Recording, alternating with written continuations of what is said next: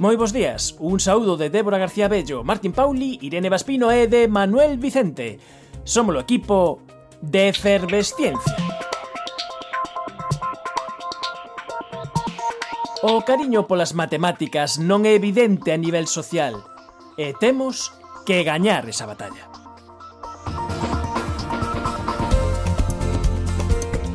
Isto é de Claudia Alsina. O catedrático subilado Claudio Alsina é todo un referente no ensino e a divulgación das matemáticas. Conversaremos con el aproveitando o seu paso pola Coruña para asistir ás 19 xornadas de aprendizaxe e ensino das matemáticas. Porque se alguén quere aprender matemáticas, alguén lle las ten que ensinar. Nesta edición efervescente tamén falaremos dos grafites. Teremos a nosa guía do CEO de todo o verán lista para levar nas vosas maletas e saberemos da boa da Makey Fair que imprime en 3D. Hai outros mundos, pero están neste. Efervesciencia. Doses de ciencias en contraindicacións. Patrocinado pola FECIT, Fundación Española para a Ciencia e a Tecnoloxía, Ministerio de Ciencia, Innovación e Universidades, unha colaboración da Universidade de Santiago e a Radio Galega. A nosa dimetil sulfuro é Débora García Bello. Dimetil sulfuro Moi bons días, Débora. Moi bons días, Manuel.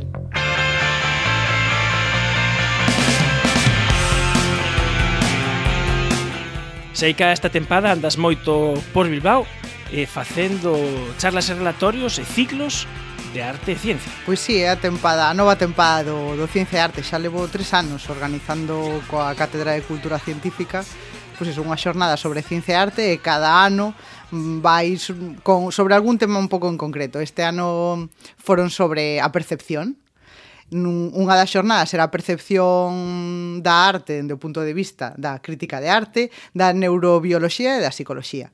E esta última que, que aconteceu a semana pasada pois foi sobre percepción de arte, pero dende o punto de vista da percepción do, do, do entorno, da paisaxe, do punto de vista da escultura, da arquitectura e da enxeñería. A concepción da arte depende moito de cada quen, das nosas circunstancias, da nosa cultura, dos nosos gustos, eh, da nosa trayectoria. E hai a veces que a xente pois di, eu isto non vexo que se, se xa arte e outros casos no que pode haber pois o mellor é falta de educar ese, esa ollada, esa ollada crítica, esa capacidade de ver. E hai un caso moi singular onde se manifesta todo isto que estou a dicir, que é o caso do grafiti Pois sí, porque o grafiti é arte tamén. É un arte. Sí, sí. A ver, claro, existe, existe esa percepción tamén de que, claro, tamén é vandalismo. E que, claro, é, forma parte, o vandalismo forma parte da concepción do que é o grafiti. Entón, claro, para algúns se quedan solamente coa parte vandálica e destructiva, pero ten unha componente de expresión artística moi importante e moi interesante. É moi interesante, é que é un arte, a ver, isto que vou dicir, é un arte do noso tempo, pero non é do noso tempo. Non, non é do noso tempo. De feito, a palabra graffiti xa ven eh, de Pompeya. O sea, os grafitis pompeyanos, aí ven a palabra, porque grafite ao final é pues, escribir, non?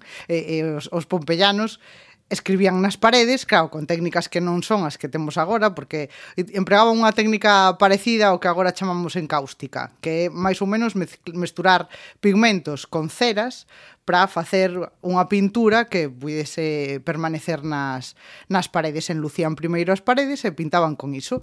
E pintaban trapalladas. O sea, Tío, mi... te preguntar que o que, que, é o que facían os grafiteiros de Pompeia. Pois pues trapalladas. Trapalladas tipo eh, fulanito de tal estivo aquí. Era, o sea, eses, cosas así. eses eran galegos. Eh, entonces, se, se, se poñen fulanito estivo aquí, eso é unha cousa aquí moi patria. Claro, pero se é unha cousa que é, pois pues, sí, dos anos 70 antes de Cristo, pois pues, que importante porque está pintado nunha parede cunha técnica así diferente, entón, claro, o intentamos conservar e parecenos unha cousa que está guai. E está guai, pero claro, as mensaxes que hai son un pouco, pois así, tonterías, claro. Que escribes aí? Romanes un domus, gente llamada romanos ir la casa? Dice romanos marchaos a casa. De eso nada. ¿Cómo se dice romano latín? Vamos, vamos. Eh, eh, eh, romanus. ¿Que se declina cómo? Anus. ¿El vocativo plural de anus es? Ani. Romani. E, e logo unha cousa que, que ti referencias moito cando eh, fas as túas composicións de ciencia e arte é como a, o avance na, na técnica, na, na tecnoloxía, na capacidade de ter novas ferramentas, podes facer novas cousas. E, o grafiti non sería grafiti se non houvese esa cosa que se chama aerosol. Eh, sí, claro, é, é a tecnoloxía, a historia que ten relación, pois eso, que relaciona a ciencia co graffiti, pois é precisamente a tecnoloxía.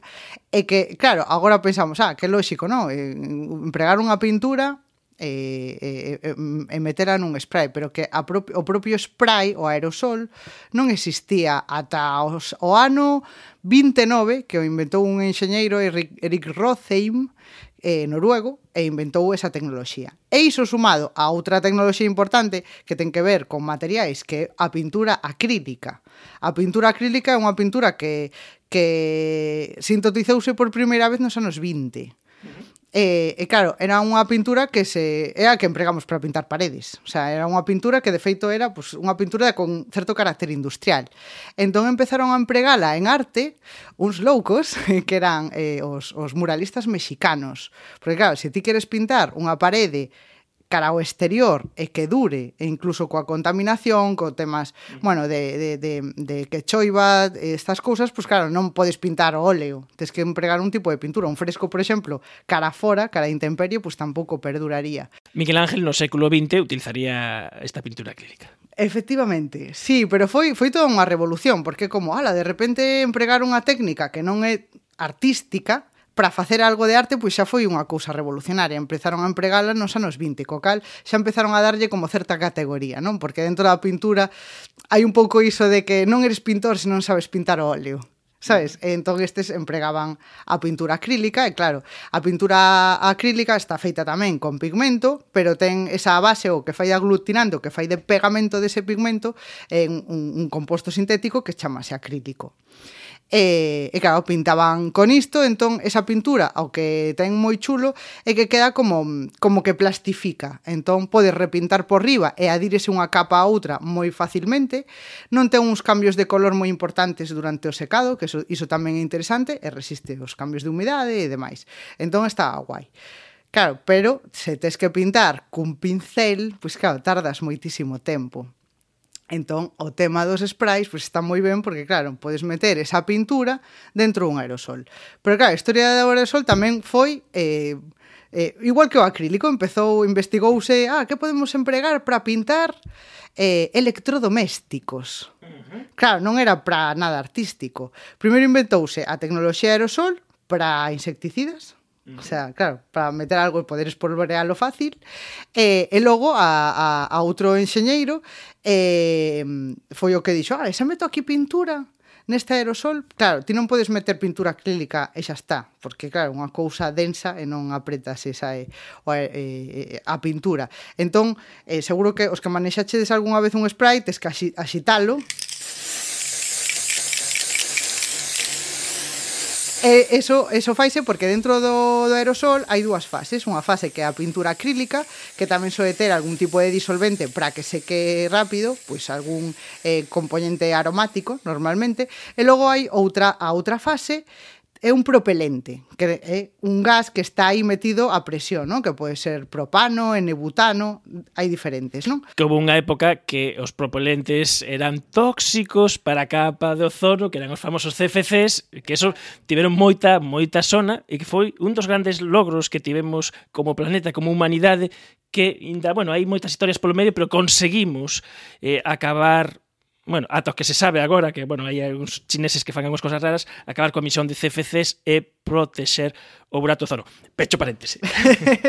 bueno, pois iso, pois o que faz cando axitas en mesturar eh, en ese instante esas dúas fases, eh, apretas na, na boquilla e eh, xa sae aí toda esa mestura, pero claro, o propelente evaporase inmediatamente, entón a pintura queda fixada xa na parede e o disolvente tamén se evapora, co cal seca case de forma instantánea. E podes pintar moi rápido con iso. Entón, claro, mesturas así diferentes tecnoloxías que non en principio eran, pois iso, para, para pintar electrodomésticos e que volvesen a aparecer novos, non? Pois, pois eso, os primeiros eran pois, de cor branco, negro, bueno, como poden ser electrodomésticos da casa. E, pero un chaval empezou a, a utilizar isto para poñer o seu nome por aí. Os famosos tags. Os famosos tags, sí, realmente realmente era así. Pois era era un, un tipo de de Filadelfia que firmaba co nome de Cornbraid que se supón que é o primeiro grafiteiro. Entón, claro, se vas por Filadelfia, agora non, non quedan, non? Pero eh, queda algún. Pero eso, empezou a poñer seu nome, además con letras tamén trapalleiras, uh -huh. pero bueno, foi o primeiro que se lle ocorreu. Pero o que foi realmente famoso do tema de grafiti foi eh, un neoyorquino, Taki 183 que era como firmaba. Este este rapaz o que era era mensaxeiro en Nova York. Entón, claro, eh, percorría en metro toda a cidade, co cal en e tiña dous, tempo. E tiña tempo. Total, en dous días tiña a firma de Taki 183 tamén cunhas letras moi trapalleiras, pero claro, e che, e, estaba chea a cidade de Nova York da súa firma.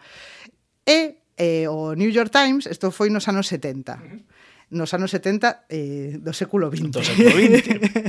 Eh, entón saiu no New York Times a noticia de Taki 183 está firmando por toda a cidade. Co cal, claro, se algo sai no New York Times faise viral. Entón, outros chavales pues, empezaron a, a, a imitalo e aí se supón que ese é o xurdimento do graffiti tal, com, tal e como coñecemos agora. Como, como arte urbana que require facelo rápido, eh, bule bule, para evitar eh, ter problemas, se estás facendo onde non debes, ter problemas coa autoridade. Sí, por eso tamén xurden outras técnicas Aparte do propio grafiti, claro, agora o grafiti é unha cousa Siga vendo eh, grafiti de letras trapalleiras E xa está, siga vendo ese tipo de grafiti Ten os, eh, o seu interese tamén Pero claro, foise eh, facendo unha cousa moito máis complexa O sea, incluso temos grafitis abstractos, o sea, que van un pouco coa, coas correntes artísticas plásticas da, da pintura, da pintura máis tradicional. Eh, eso, eh, pues, eh, grafiti máis figurativo, onde non solamente son letras, e incluso as letras foron foron evolucionando, desde grafitis que teñen forma como de pompas, pero que seguían sendo letras, a grafitis incluso con efectos tridimensionais, o sea, xa que foron gañando complexidade. Eh, Banksy, que, que seguro coñecedes a este grafiteiro, grafiteiros, ninguén sabe o que é. Ano, anónimo todavía. anónimo todavía. De momento. De foi o que un, uns dos que, bueno, puxeron de moda esa técnica do stencil, o empregar pues, unha plantilla, facer un recortable, eh, poñelo sobre a parede, pintar e, claro, solamente queda o que quedou do recortable. Pode ser unha cousa... Que, que esto, tamén, se, se nos volvemos, isto se está inventado cando pintábamos as nosas mans nas, nas covas e, e a plantilla era a man. Sí, efectivamente, esa é a técnica do stencil, pero claro, axiliza un montón o feito de pintar unha cousa con moita complexidade que podas facelo nos segundos, con moita preparación. Porque a complexidade ates antes. Ates antes. Aquí en Coruña temos un grafiteiro que fai cosas super chulas que chamase R. White e que, e que fai precisamente é un monstro da técnica esta do stencil. Fai cousas excepcionais. E, e non só iso, claro, e logo tamén outras cousas que tamén se chaman graffiti, pero que non empregan aerosol, que é pegar cousas nas paredes, porque claro, ti pegar un cartel non ten a mesma multa que pintar cunha pintura, podes facelo rápido, entón hai moitos eh, grafiteiros que, que empregan técnicas deste tipo, recortables de papel e cartéis ou pegatinas, que hai moitísimas pegatinas por aí, fixadevos, moi chulas, con diseños moi guais, e que son unha forma rápida de facer grafiti e que a multa, pois non sexa E, e tamén hai a posibilidade, tamén hai quen o fai con, con azulejos. Sí, Invaders. Sí que fai con estes marcianitos dos mm. Space Invaders, pois sí, emprega, emprega azulejos. E, claro, é outra forma tamén. E claro, aí xa entras en... E isto que é? porque estás igualmente colonizando paredes, pero non estás empregando pintura, entón xa é outro tipo de cousa. E bueno, están están ademais, o sea, son de de vas de viaxe, encontras invaders en todo o mundo, E xa non son os auténticos, ou non? Sí, ás veces sí, hai algúns que dis este será realmente un invader ou alguén que, que fai unha cousa parecida, parecida a él. Os hai auténticos e hai xente que os rouba para porque claro, están moi cotizados ah, ter un invader na casa. Algo semellante ao que pasa co, coas obras de Bansky, que, que, que tamén son tan cotizadas que, que desaparece, ¿no? que se levan sí. hasta incluso a parede para levarse a obra, co cual perde todo o contexto, claro. Claro, sí, ali non ten sentido, pero bueno, a obra de Banksy tamén ten esa controversia de que é non? Porque tamén fai obra tipo escultura para expoñer en museo, entón en, algo en, que, algo claro, que onde que o colocas, non? tamén. Claro, sí, entón onde o colocas é, bueno, un personaxe moi moi controvertido. E en Galicia temos, eu coido que vos exemplos de como esta arte eh, pode dar cambios radicais a barrios e a vilas. Sí, empregase, o sea, o grafiti empregase de feito, pues eso, en, en, en cidades galegas vémolo de calles que ou incluso eh, calles que están así, pues que non teñen moito tránsito ou incluso negocios que pecharon eh, e decóranse con grafiti. Pero bueno, aquí xa entramos en que grafiteiros se prestan a facer este tipo de cousas e cales non, porque aquí hai unha guerra. Aí sí. Claro. Aí, que porque... entre, entre o, o, o sector máis puro e máis eh, contestatario, por así decir, e o profesionalizado, non? Entendo. Que sí, é un, é un pouco, non é, non é tanto que cobrar ou non cobrar, pero é, é ese... É, os que se, os que fan graffiti métense no graffiti tamén por esa pulsión artística, pero en parte tamén por esa adrenalina de ir a facer vandalismo, ¿no? Vandalismo, eh, estou empregando esa palabra non en sentido pexorativo, eh? senón como algo que, que pode ser interesante, ¿no? Como fenómeno. Entón, empezas dunha forma así e logo se o monetizas, e o... non só so que o monetices, pero que das a cara, eh, claro, empezas a negociar de, ah, fagoche este mural ou non, que pareceme que está ben, pero sí que hai guerras entre eles, de ti non es un grafiteiro de verdade, ti es un muralista. Está, está na comunidade ou non, estás, estás dentro da comunidade claro. ou estás fora da comunidade. Sí, sí, ¿no? eres un vándalo ou eres un muralista. Entón aí xa hai moita controversia. E, e outra cosa interesante, todas estas cousas que estamos eh, falando esta mañá con, con Débora, ela a parte delas as deu nun, nunha das charlas de, de Naucas en Bilbao hai dous anos. Empezamos con Naucas, imos a, acabando con Naucas. E unha cosa que contabas que, que tamén é fascinante é que, eh, sendo toda unha cultura urbana, o, o mundo do, do grafiti tamén a cultura que move moitos cartos e hubo quen tivo visión para aproveitalo. Sí, este é un caso super chulo, porque ademais é un caso un caso que sucede que aconteceu aquí en España, porque a xente que pinta grafiti, a maior parte dos grafiteiros de aquí empregan case con toda a seguridade grafitis eh, aerosois de, de Montana Colors, da empresa Montana Colors. Pois esta empresa ten unha historia moi chula. Resulta que os primeiros sprays de pintura que empezaron a empregarse en, en grafiti foron os Krylon e os Felton. De feito, hai grafiteiros que ainda conservan algún Krylon desa época dos dos 90, que foi cando realmente en España empezou a moverse isto do graffiti. Bueno, pois un delegado comercial de Felton eh, acudía a unha, acudiu a unha tenda de, de Barcelona que vendía, pero a espuertas, a can, cantidades inxentes de, de, de spray. Entón, era unha tenda de rollos de, de xardinería e así, e non tiña así moito sentido.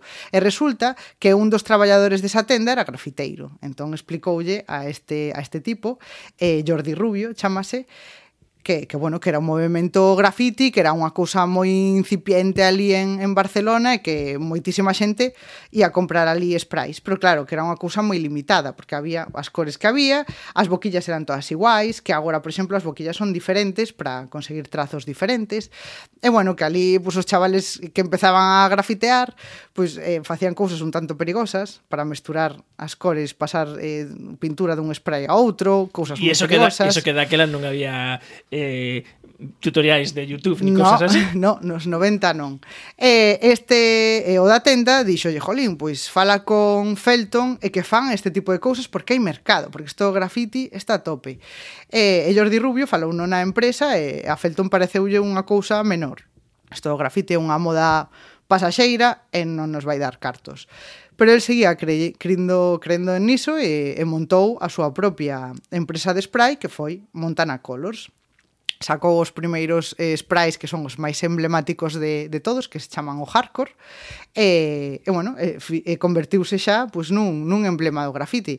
Oxe por oxe, a, a empresa de, de produtos destinados ao graffiti eh, máis grande, diría que máis grande do mundo, pero non sei os datos de facturación, pero dende logo é unha das, das máis importantes seguro. O graffiti, unha arte urbana contestataria é que xurdiu nos anos 70, pero non nos anos 70 da nosa era, precisamente.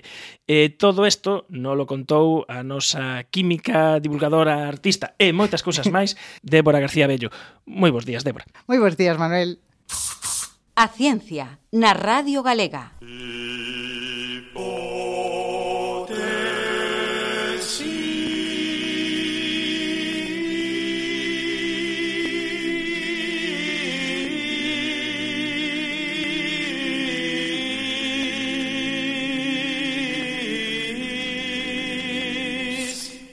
La segunda diapositiva eh, digo que está aún por demostrar, es decir, lo, el tema de eh, enseñar con diversidad, es decir, enseñar en una clase donde cada niño aprende de una manera, es un tema que todavía no tenemos resuelto.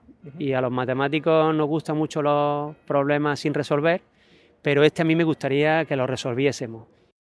Yo soy Rafa Ramírez, eh, soy profe de matemática, vengo de Granada. Un poco lo que a mí me gusta es esa idea de una formación entre iguales, compartir ideas y compartir también eh, actividades que motiven a un grupo de profesores.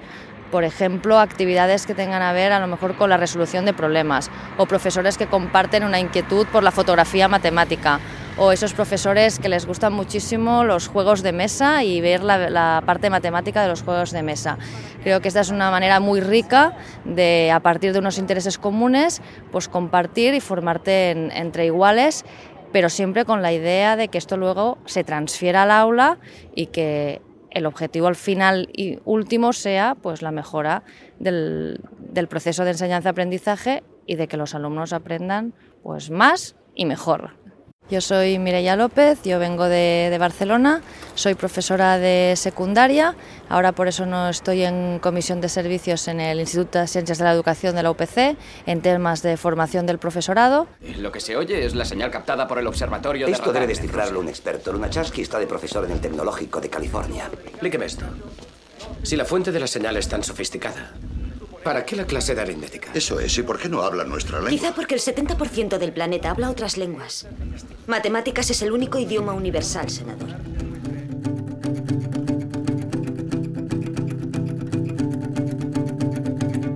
Hola, buenos días. Yo soy Carmen Burgués, premio Gonzalo Sánchez de este año. Buenos días, soy Claudia Alsina. He recibido el premio Gonzalo Sánchez Soy profesor de matemáticas y un entusiasta de las mismas.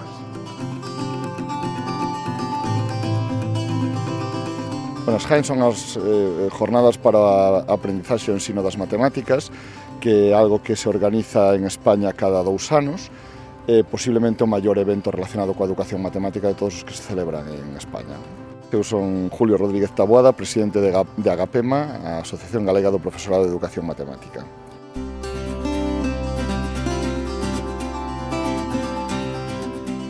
Nosotros dos fuimos buenos amigos de Gonzalo Sánchez. Era un profesor emblemático por su dedicación docente, por los valores humanos personales que él tenía y por haber impulsado todo el movimiento de la Federación de Sociedades de Profesores de Matemáticas. Entonces el premio tiene este valor añadido, que es un premio concedido por los propios compañeros de toda España, de todas las sociedades y que intenta pues reconocer una labor. Participa o profesorado de todas as etapas educativas, dende infantil ata universitario. Eh, aquí, pois, en números, ainda que os números en realidade non representan moito, pero eh, hai, pois, aproximadamente 550 participantes, asistentes, hai 140 e pico colaboracións entre obradoiros eh, comunicacións, hai 14 ponentes invitados, hai 3 ou 4 exposicións permanentes, hai 10 pósters, hai 4 conferencias plenarias, bueno, moi, moito número que o que indica realmente que hai moita xente moi preparada e interesada en mellorar e en compartir o último sobre educación matemática.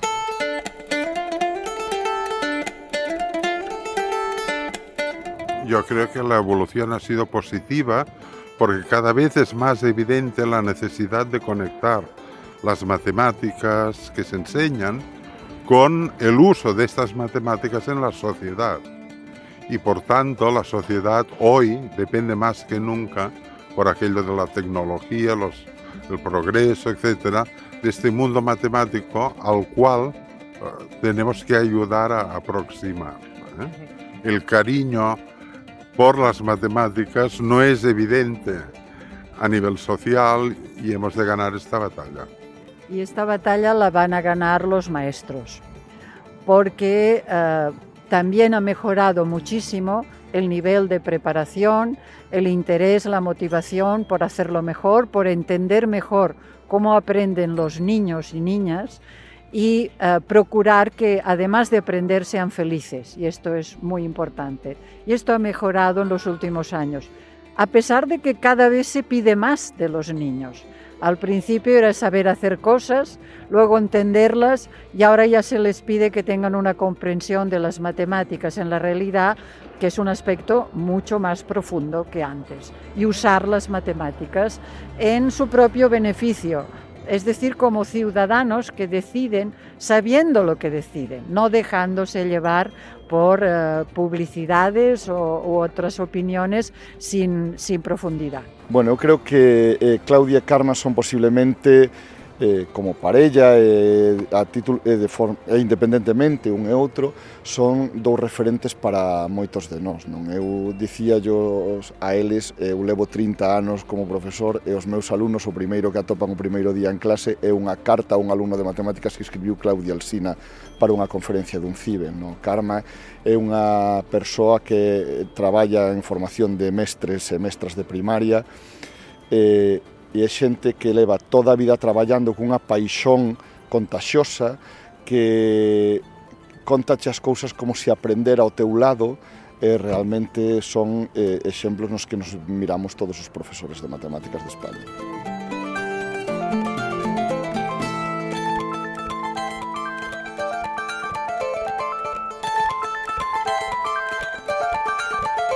Hay que decirlo claro, uh, todo el mundo todavía no ha aprendido cómo hacer que los niños entiendan y se entusiasmen por las matemáticas. Uh, hay que formar más a los maestros, pero el mundo cambia tan rápido que los niños también cambian muy rápido. Uh, y entonces hay que adaptarse a esos cambios, cambios tecnológicos, cambios de valores. Entonces es difícil mantenerse um, siempre uh, Eh, preparado para, para atender esto. Y la formación es eh, muy importante. Y esto no, no, no debe terminar nunca. ¿eh? Nunca estaremos a punto del todo. Siempre podemos mejorar. Para que as matemáticas teñan presenza non só intelectual, senón tamén física e sexan visibles, eh, bueno, unhas compañeiras de, de Galicia fixeron unha, unha anamorfose co logo das Jaén. Unha anamorfose basicamente un dibuxo, un diseño que se ve só se se mira dende un punto determinado, non? A unha distancia determinada, e fixémolo no chan de Paresco, é unha anamorfose de 15 metros de longo, é dicir, é un grande, tamén temos unha pirámide, un tetraedro de Sierpinski que fixeron os alumnos e alumnas do colexio, do, do colexio de Placeres en Marín que ten 4 metros de alto, casi non nos colle en Palesco, tivemos que medir. Está feito con latas de refresco que bueno, son eh, presentacións moi, moi espectaculares porque vense dende lonxe, porque son chamativas e tamén sirven para que as matemáticas teñan esa vistosidade. Non? Una e una serán dos, dos e una serán tres, tres e una cuatro, cuatro e dos son seis, Siete y dos, nueve. Muchas más son dieciséis. A edición número 19 das Jaén, as xornadas de aprendizaxe e ensino das matemáticas, tiveron lugar esta semana na Coruña, organizadas por Agapema, a Asociación Galega de Profesorado de Educación Matemática. Dicía Galeano que a utopía está no horizonte, Camiño dous pasos e ela afástase outros dous pasos e o horizonte corre dez pasos máis alá. Entón, para que serve a utopía? Para iso mesmo. Serve para camiñar. O segredo de como educar en matemáticas a rapazada de hoxendía non o ten ninguén. Pero afortunadamente estes profesores e profesoras de matemáticas entran todos os días na aula coarela de atopalo. Aínda que saben que por moito que se camiñe é imposible chegar ata onde está a síntota. Transformado de la plaza. Los están locuaz. Integral exponencial. Los es animal la derivada. De la parte Eh, Carmen y yo, pues, llevamos más de 40 años en esta labor. Eh, nosotros nos conocimos haciendo escuelas de verano para maestros y de la didáctica de la matemática pasamos al amor de por vida y, bueno, hemos seguido siempre los dos trabajando en este campo. No siempre hemos hecho cosas eh, juntos, pero muchas de ellas sí, ah, o incluso conferencias a dúo. Ah, una, la última fue ah, en unas Jaime en Cartagena, que aún la gente nos, nos para por, ah, por los lugares más impensables y nos dice, les vi en Cartagena, ah, porque la gente le gustó ver una dinámica de dos en una conferencia. Y esto es lo que ha pasado durante los 37 años que llevamos casados. Y es que nos hemos complementado. Y, y eso ha sido una parte de la diversión también. Tener una pareja que entiende perfectamente aquello que te gusta y por lo que... Dijo de matemáticas, con dos en casa ya es suficiente, haré ciencias sociales. de mi ecuación. Eso sí es una función.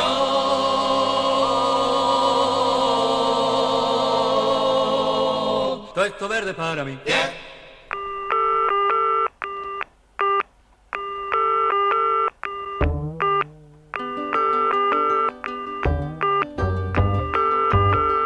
É unha cita imprescindible para a xente de Santiago ou que hoxe e mañán se poidan achegar a Santiago, a Cidade da Cultura e a Maker Fair. Yolanda Iglesias, moi bons días. Bos días, que tal? Moi ben, xa estades na conta atrás dentro de dúas horas, abrides as vosas portas, o público xeral, pero temos que dicir Antes de nada, que xa levades uns días coa parte profesional desta feira maker, explicaremos agora o que é. Sí, xa levamos aquí desde o mércores con distintos makers que expuxeron os seus proxectos, eh, con premios, eh, bueno, unhas xornadas moi, moi especiais así máis dirixidas ao público profesional. Vos vos chamades argalleiros, o que queredes é que quera persoa que lle guste argallar, que lle guste cacharrear, que lle guste inventar, deixe o que teña que facer e que vaya eh, hoxe todo sábado e eh, todo mañán domingo á cidade da cultura que é o que ides a que, que ides a, a dar a xente que vos vai acompañar? Bueno, con este evento que, que promovemos é compartir coñecemento de todas as disciplinas posibles. Entón, toda aquela persoa que teña curiosidade, que sexa creativa, que queira coñecer cousas novas, sobre todo alrededor da tecnoloxía, pero tamén haberá aspectos sobre artesanía, sobre música, sobre arte, sobre distintas facetas, entón calquera persoa que teña pois curiosidade sobre calquera cousa pode vir porque hai, haberá proxectos moi moi diversos dentro da, da feira. E a Maker Fair o que busca é eso, compartir coñecemento con xente que é argalleira, que lle gusta facer cousas coas mans, en inventar e compartir co resto da xente pois eses proxectos máis novedosos. E argalleiros de todas as edades, desde os máis cativos ata os máis maiores. Por exemplo, eu vin un cartel anunciando a Maker Fair onde aparecía o que podía ser unha boa, pero non era unha boa de librería de fotos, senón que deste era Soledad Ayuso. Contanos a súa historia. Exacto, exacto. Nos comentamos que, que o tema do concepto maker non ten idade, non? Virán tamén os makers ou mini makers máis pequeniños a presentar os seus proxectos, pero tampouco ten un límite de idade por arriba. Entón, Soledad Ayuso, que ten pois 70 e algo de anos, que, que non nos escoite dicir a súa idade, pero é unha boa maker que ten como paixón pois facer cousas impresas en 3D. Eh, é o seu, o seu ocio, o seu hobby, eh, empezou fai un tempo e agora pois é toda unha experta de impresión 3D e demostra demostra que non hai límites de, de idade para, para converterse nun maker polo que vin, ela, ela entre outras cousas, eh, é, é belenista, facía os seus propios beléns e agora os fais coa tecnoloxía de hoxe en día. Exacto, pois foi cambiando, introducíronse novas tecnoloxías como pasou en, en moitas disciplinas e o que fixeron foi aplicar os, suas, os seus conceptos do, do pasado a estas novas tecnoloxías e seguir creando, no seu caso, pois sí, as, as figuras dos Beléns, ahora fainas eh, impresas en 3D. En esa intersección entre tecnoloxía, arte e cultura, que está todo misturado, tamén ides levar a un muralista espectacular.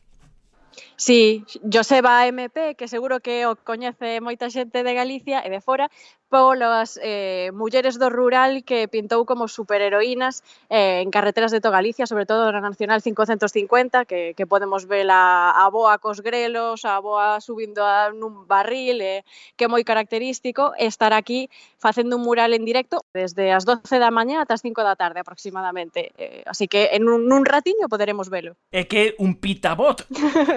un pitabot, como lle chamamos nos cariñosamente, é unha galiña robótica. Eh, nos o que faremos este ano tamén será un concurso de creación de pitabots, tamén para todas as idades, nas que ensinaremos unha maneira moi sinxela de crear unha, un robot, un robot galiña neste caso, eh, que competirá con outros robots galiñas nun concurso que toda a xente poderá ir votando cando entre, terán un grande de, mai, de millo e poderán votar aquela pitabot que máis lles guste. Tamén hai os robots de, de andar pola casa para os que non saben nada de tecnoloxía, que son os eh, non sei como se pronuncia, Evocons. Evocon. A Evocon é, Evocons. é unha competición de robots absurdos que do que se trata é construir robots moi, moi, moi sinxeliños con pezas de, de, de refugallo, de materiais de, de refugallo que teñamos por casa ou aquí que traeremos materiais de refugallo, eh, construílo de, moi, de unha maneira moi, sinxil, moi sinxela para que despois podan competir entre eles e tamén o que vaya eh, vencendo será o supergañador da, da Evocon deste ano eh, para visitar a, a feira Maker, eh, dicíamos que ten actividades eh, todo o día para grandes e para pequenos, e eh, tamén vai haber, mira, xa que estamos no 150 aniversario da Tagua Periódica, tamén ides levar aquí compañeiros divulgadores. Sí, así é. Os rapaces e rapazas de UDF Big Bang estarán un ano máis connosco. E, a parte do seu están no que farán distintos experimentos, e farán divulgación de experimentos científicos, tamén traerán a súa táboa periódica xigante e terán unha charla específica sobre o 150 aniversario da táboa periódica que se cumple este ano porque eles tamén son un pouco ar, tamén argallan porque argallaron esa tabua, esa tabua periódica na que puxeron a maioría dos elementos os fixeron e fixeron eh, que na súa sede aí na Facultade de Ciencias toda unha parede con unha tabua periódica na que se poden eh, tocar non porque hai un están protegidos pero na que se poden ver a maioría dos elementos da tabua periódica. Sí, sí, é moi curioso velo porque sempre estudamos non a taboa periódica nin nun papeliño con distintas cores e demais, pero telo físicamente presente como que che axuda todavía máis a entendelo, a memorizalo, a, a, a velo no? diante de ti. Entón, é, é, moi, é moi interesante este proxecto. Quen queira chegarse hoxe todo o día e mañán eh, a Cidade da Cultura ten esta oportunidade de argallar eh, nesta uh, Maker Fair, pero eh, Oh, temos que dicir tamén que a xente máis pequena e a xente máis maior pode entrar de balde e os que queran ir os dous días o precio é prácticamente simbólico que son 5 euros. Sí, menores de 14 anos e maiores de 65 entran gratis e o resto con 5 euros pagan a entrada para os dous días, xa, con tal de que leven a pulseira posta, poderán acceder as veces que queiran durante hoxe e mañá. E xa podemos dicir que eh, nesta quinta edición xa tedes toda unha feira galega consolidada. Sí, sí, totalmente. Cada ano é mellor, cada ano ten máis xente, cada ano hai máis proxectos. Este ano que fixemos eh, foi volver un pouco a orixe, non? De aí o das Pitavós, eh, tera tamén a Joseba, volver a ese rural galego, eh, proxectos máis de aquí, que o ano pasaron foron moitos de fora, e este ano pois apostamos un pouco máis pola terriña e volvemos un pouco a orixe, a, a Galicia. Mequefer, desde as 10 eh, da mañá hasta as 8 da noite, Cidade de Cultura, cita imprescindible pros argalleiros. Eh, moitas grazas por contárnolo, sei que, que ademais estades traballando, e da que falta pouco por abrir, estades traballando e a tope. Eh, moitas grazas, Yolanda Iglesias, por contárnolo en Efervesciencia. Grazas a vos. Esta é a sintonía da nosa guía do cero.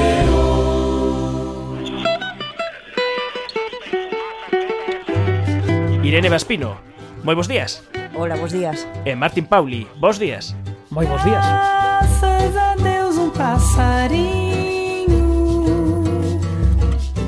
A nosa guía do CEO, que nesta edición efervescente, tórnase na nosa guía do CEO de todo o verán, porque o verán é o tempo que temos mellor mellores condicións climatolóxicas para sair ou ver o ceo nocturno, inda que as noites duran menos, e normalmente é cando temos maior disponibilidade para sair para fora. Ou seja, quimos darvos un repasiño das cousas que se poden ver no ceo durante os o que nos queda de verán.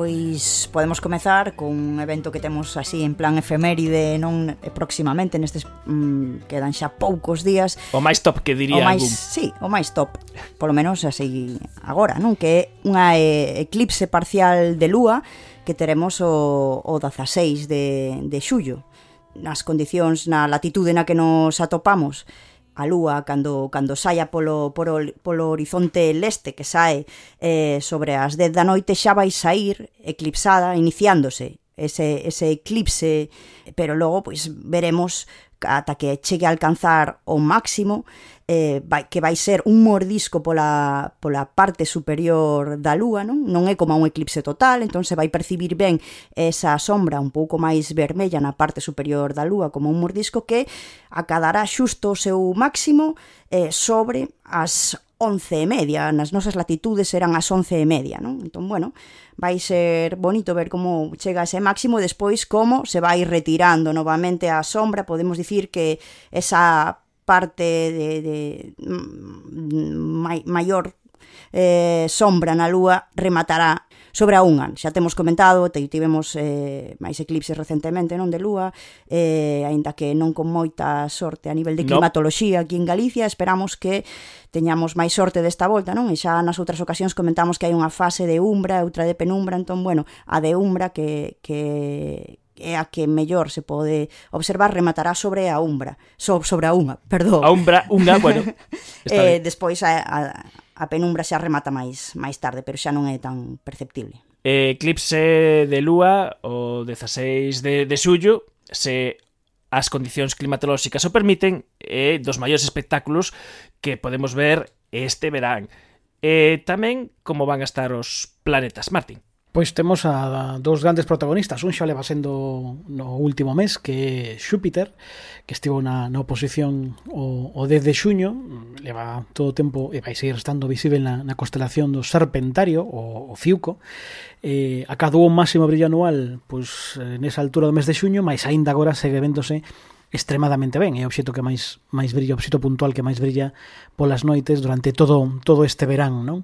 Agora xa non aguanta toda a noite, xa se retira pois aí polas 5 da mañá, xa se empezan a poñer e a medida que vayan avanzando as semanas e que vai avanzando os meses do verán, irá reducindo o tempo no océano xa contra o final de setembro e Xúpiter o teremos retirándose do ceo xa contra, contra medianoite.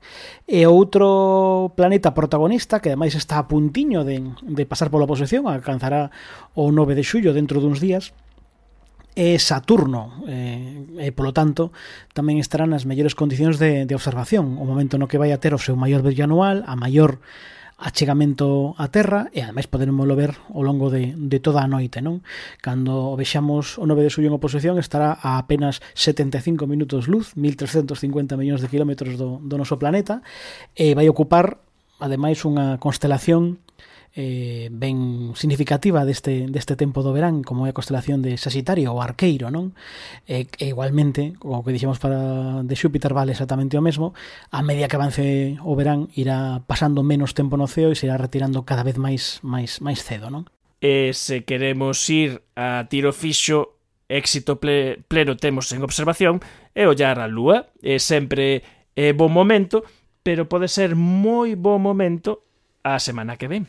Sí, bueno, en realidade unha data que temos que marcar eh, no, no noso calendario para este verán é eh, o, o 16 de xullo, porque eh, como dicíamos antes, é eh, o día da eclipse parcial de Lúa, que ademais eh, tamén vai a ser un bom momento eh, porque a Lúa ese día está onde eh, na, na constelación tamén pasando por Sagitario, co cal acaba de falarnos Óscar de, de Saturno e ese día vai a estar eh, doado, o sea, doado de ver vai estar todos os días, pero ese día estará preto da, da lúa, ademais, co cal é unha postal bastante chula, e ademais, con, con motivo de que este ano é o 50 aniversario da chegada do home á lúa, pois hai diversos eventos nesa semana, entón, bueno, vai haber, eh, hai unha observación eh, a nivel mundial da lúa convocada, eh, podemos ter máis información nunha web que se chama On the Moon Again, donde vanse apuntando distintas observacións que se van a, a organizar en distintos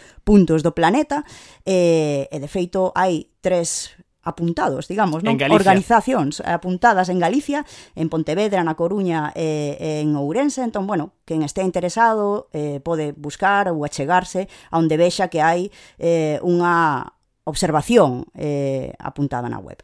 E despois, ademais, tamén temos xusto nese día, que igual mellor non lo conta Óscar aí, unha, unha estrea cinematográfica, non, Óscar?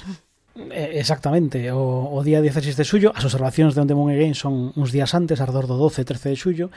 O 16, o día da eclipse lunar Estrease tamén en España En moitas salas de cinema O documental Apolo 11 Un documental dirixido por Todd, eh, Todd Douglas Miller que recupera imaxes ata agora pois nunca vistas e nunca empregadas e, e rodadas ademais nun formato espectacular en formato de 70 mm o cal garantiza que son imaxes de enormísima calidade que poderemos ver en, na, na grande pantalla tamén en Galicia. O documental manexa todo ese material de arquivo deses anos para reconstruir o que foi a Odisea o da, da viaxe a Lúa con imaxes pues, do lanzamento do interior, por suposto, do, do módulo do módulo lunar, mas tamén pois todo o ambiente na NASA, como eran aquelas oficinas eh, neses anos 60 que tantas veces vimos a través do, do cinema, pois aquí veremos imaxes reais de como eran esas oficinas de traballo dos, dos das eh, profesionais da, da NASA e tamén do público, porque sabemos que o lanzamento do Apolo 11 eh, trouxo moitísima expectación en todo o planeta e tamén nos Estados Unidos onde hubo miles de personas que se chegaron a ver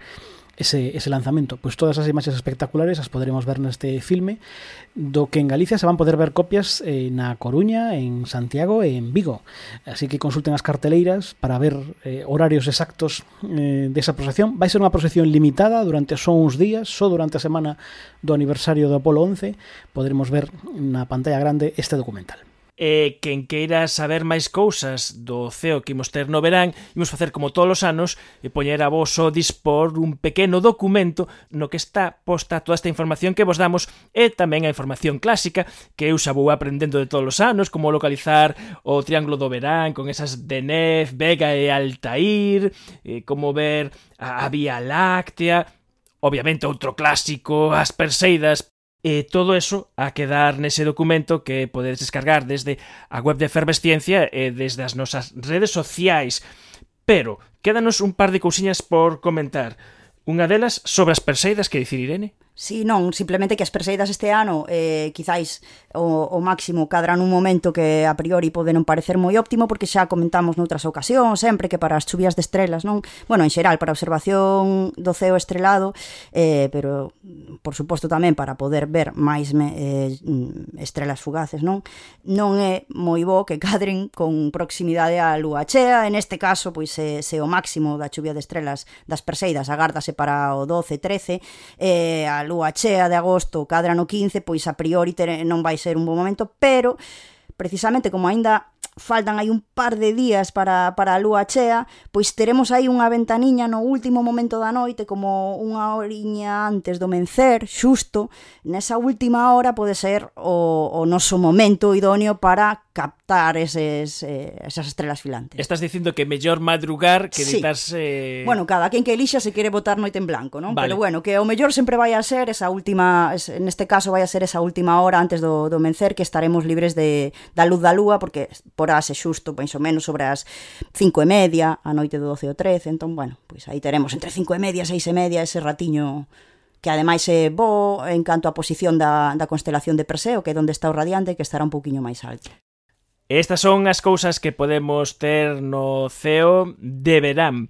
E antes de despedírmonos, temos que comentar unha novidade do mundo astronómico que ten que ver coa posibilidade de bautizar novos sistemas planetarios coa súa estrela. Pois unha iniciativa da, da IAU neste centenario eh, que repite algo que xa pasou hai uns anos. A convocatoria Name Exowells poñerlle nome a un, a un exomundo e eh, a, e a estrela correspondente da que saiu hai uns anos esa estrela Cervantes coa mm, corte de planetas eh, vinculados a personaxes do Quixote, pois aí a U abre unha nova convocatoria e este ano mm, cambia un pouco as, as normas, porque o que fai é asignar a cada país, a cada nodo nacional da IAU, unha estrela co planeta ou planetas que lle corresponden. A España eh, tócalle a estrela eh, HD 149143 eh, que forma parte do catálogo Henry Draper de, de estrelas na constelación do Serpentario e que ten asignado unha estrela pois, parecida ao noso Sol, un poquinho maior en, en masa e en tamaño, e que tamén ten asociado un exoplaneta descoberto no ano 2005 dende, dende Francia. Ese estrela hai que poñerlle nome e vai haber unha convocatoria que estará aberta durante uns cantos meses, ata o 25 de xullo poderemos presentar eh, propostas de nomes E logo despois haberá unha fase de evaluación e logo haberá unha segunda fase, digamos, de, de votación mmm, para poñerlle o nome a ese parella estrela planeta.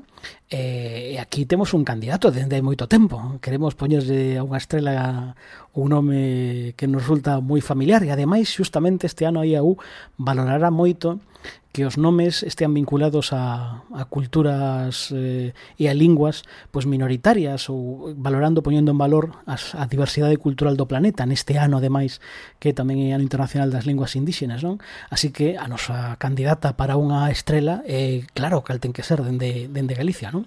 Obviamente, aí está esperando que haxa no firmamento unha estrela chamada Rosalía de Castro. aí. Estrela Rosalía de Castro. Agora tocalle ás agrupacións astronómicas facer a proposta e se pasa a primeira peneira o público xeral teremos a oportunidade de votar os nosos favoritos e o galla que entre eses favoritos estea a Estrela Rosalía que desde logo xa é o candidato de efervesciencia. Que por certo, a graza que ten, eh, por certo, esta estrela é que, é que o estar en o Fiuco vese dende aquí.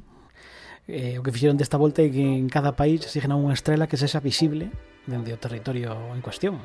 Porque a estrela Cervantes era unha estrela ali do hemisferio sur. Mas neste caso, a nosa estrela Rosalía podremos la ver no ceo, unha estrela na constelación de Ofiuco. gone to heaven, cause it was quarter past 11 on a Saturday in 1999. E como sempre dicimos nesta sección, Sair polas noites para hallar o ceo nocturno é unha experiencia fantástica, sobre todo se a podes facer con amigos, con amigos como Martín Pauli, moi bons días. Moi bo día. E con Irene Vaspino, bo día. Moi bo día e que teñades moi bo verán. She's from a cosmic world.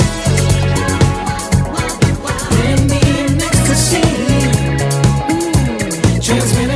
Efervesciencia. Patrocinado pola FECIT, Fundación Española para a Ciencia e a Tecnoloxía, Ministerio de Ciencia, Innovación e Universidades. Unha colaboración da Universidade de Santiago e a Radio Galega. Este sábado temos unha chea de recomendacións de divulgación Empezando pola Make It Fair da que falamos no programa Continuando ás 11 da mañá na Televisión de Galicia O Aquelando ou a noitiña ás 9 da tarde en Castrelo de Miño o Festival Divulgación E con este recordatorio da senda rematamos o último programa da tempada número 12 de Fervesciencia na Radio Galega. Ímonos tomar unhas vacacións, pero, iso sí, deixamos o mando a boa de Einstein. A boa de Einstein que ha de comandar todos os sábados e todos os domingos ás 8 da mañá na Radio Galega os mellores momentos da tempada. Que teñades moi bo verán. Adeus.